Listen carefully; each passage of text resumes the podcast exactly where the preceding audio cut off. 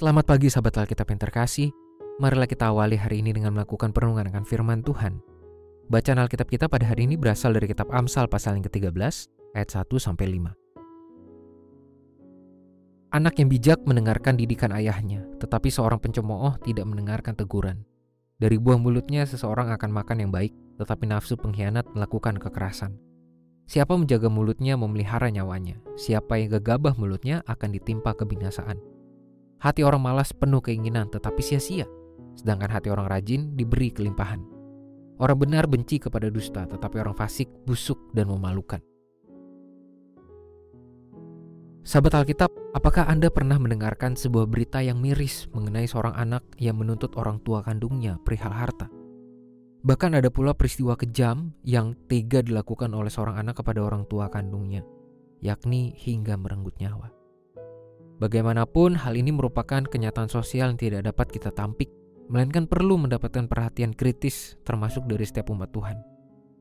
Paling tidak peristiwa-peristiwa semacam ini perlu digumuli secara serius oleh setiap umat Tuhan demi mendapatkan prinsip hidup praktis yang menjunjung tinggi nilai-nilai yang selaras dengan firman-Nya. Teks Amsal pada hari ini menampilkan kepada kita perihal pentingnya pengajaran orang tua terhadap anak yang akan membentuknya menjadi manusia dewasa yang penuh kebijaksanaan dalam menjalani kehidupan.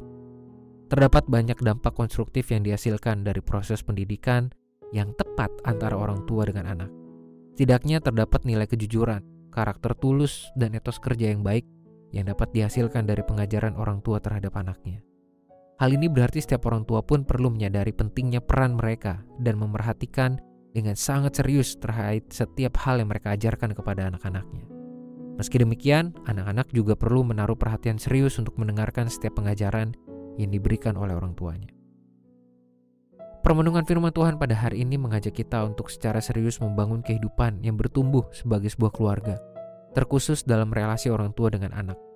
Setiap nilai hidup, karakter yang sehat, dan etos kerja yang baik idealnya terlebih dahulu muncul dari dalam keluarga Firman Tuhan sudah menunjukkan bahwa terdapat hasil yang baik yang semestinya muncul melalui proses pengajaran di dalam keluarga. Hal ini tidak hanya menuntut pihak anak secara sepihak atau menjadi beban bagi para orang tua, melainkan sebagai bagian nyata dari proses beriman sebagai keluarga yang berpaut pada firman Tuhan. Marilah kita berdoa. Tuhan mampukanlah kami untuk membangun proses pendidikan iman di dalam keluarga kami sebagai umatmu. Dengan segala peran yang kami miliki, orang tua maupun anak, tolong kami Tuhan untuk bersedia dan dimampukan menciptakan proses pendidikan iman yang sehat, yang baik bagi setiap anggota di dalam keluarga kami. Karena biarlah perkembangan karakter dan iman yang selaras dengan firman-Mu itu boleh kami mulai dari keluarga kami terlebih dahulu.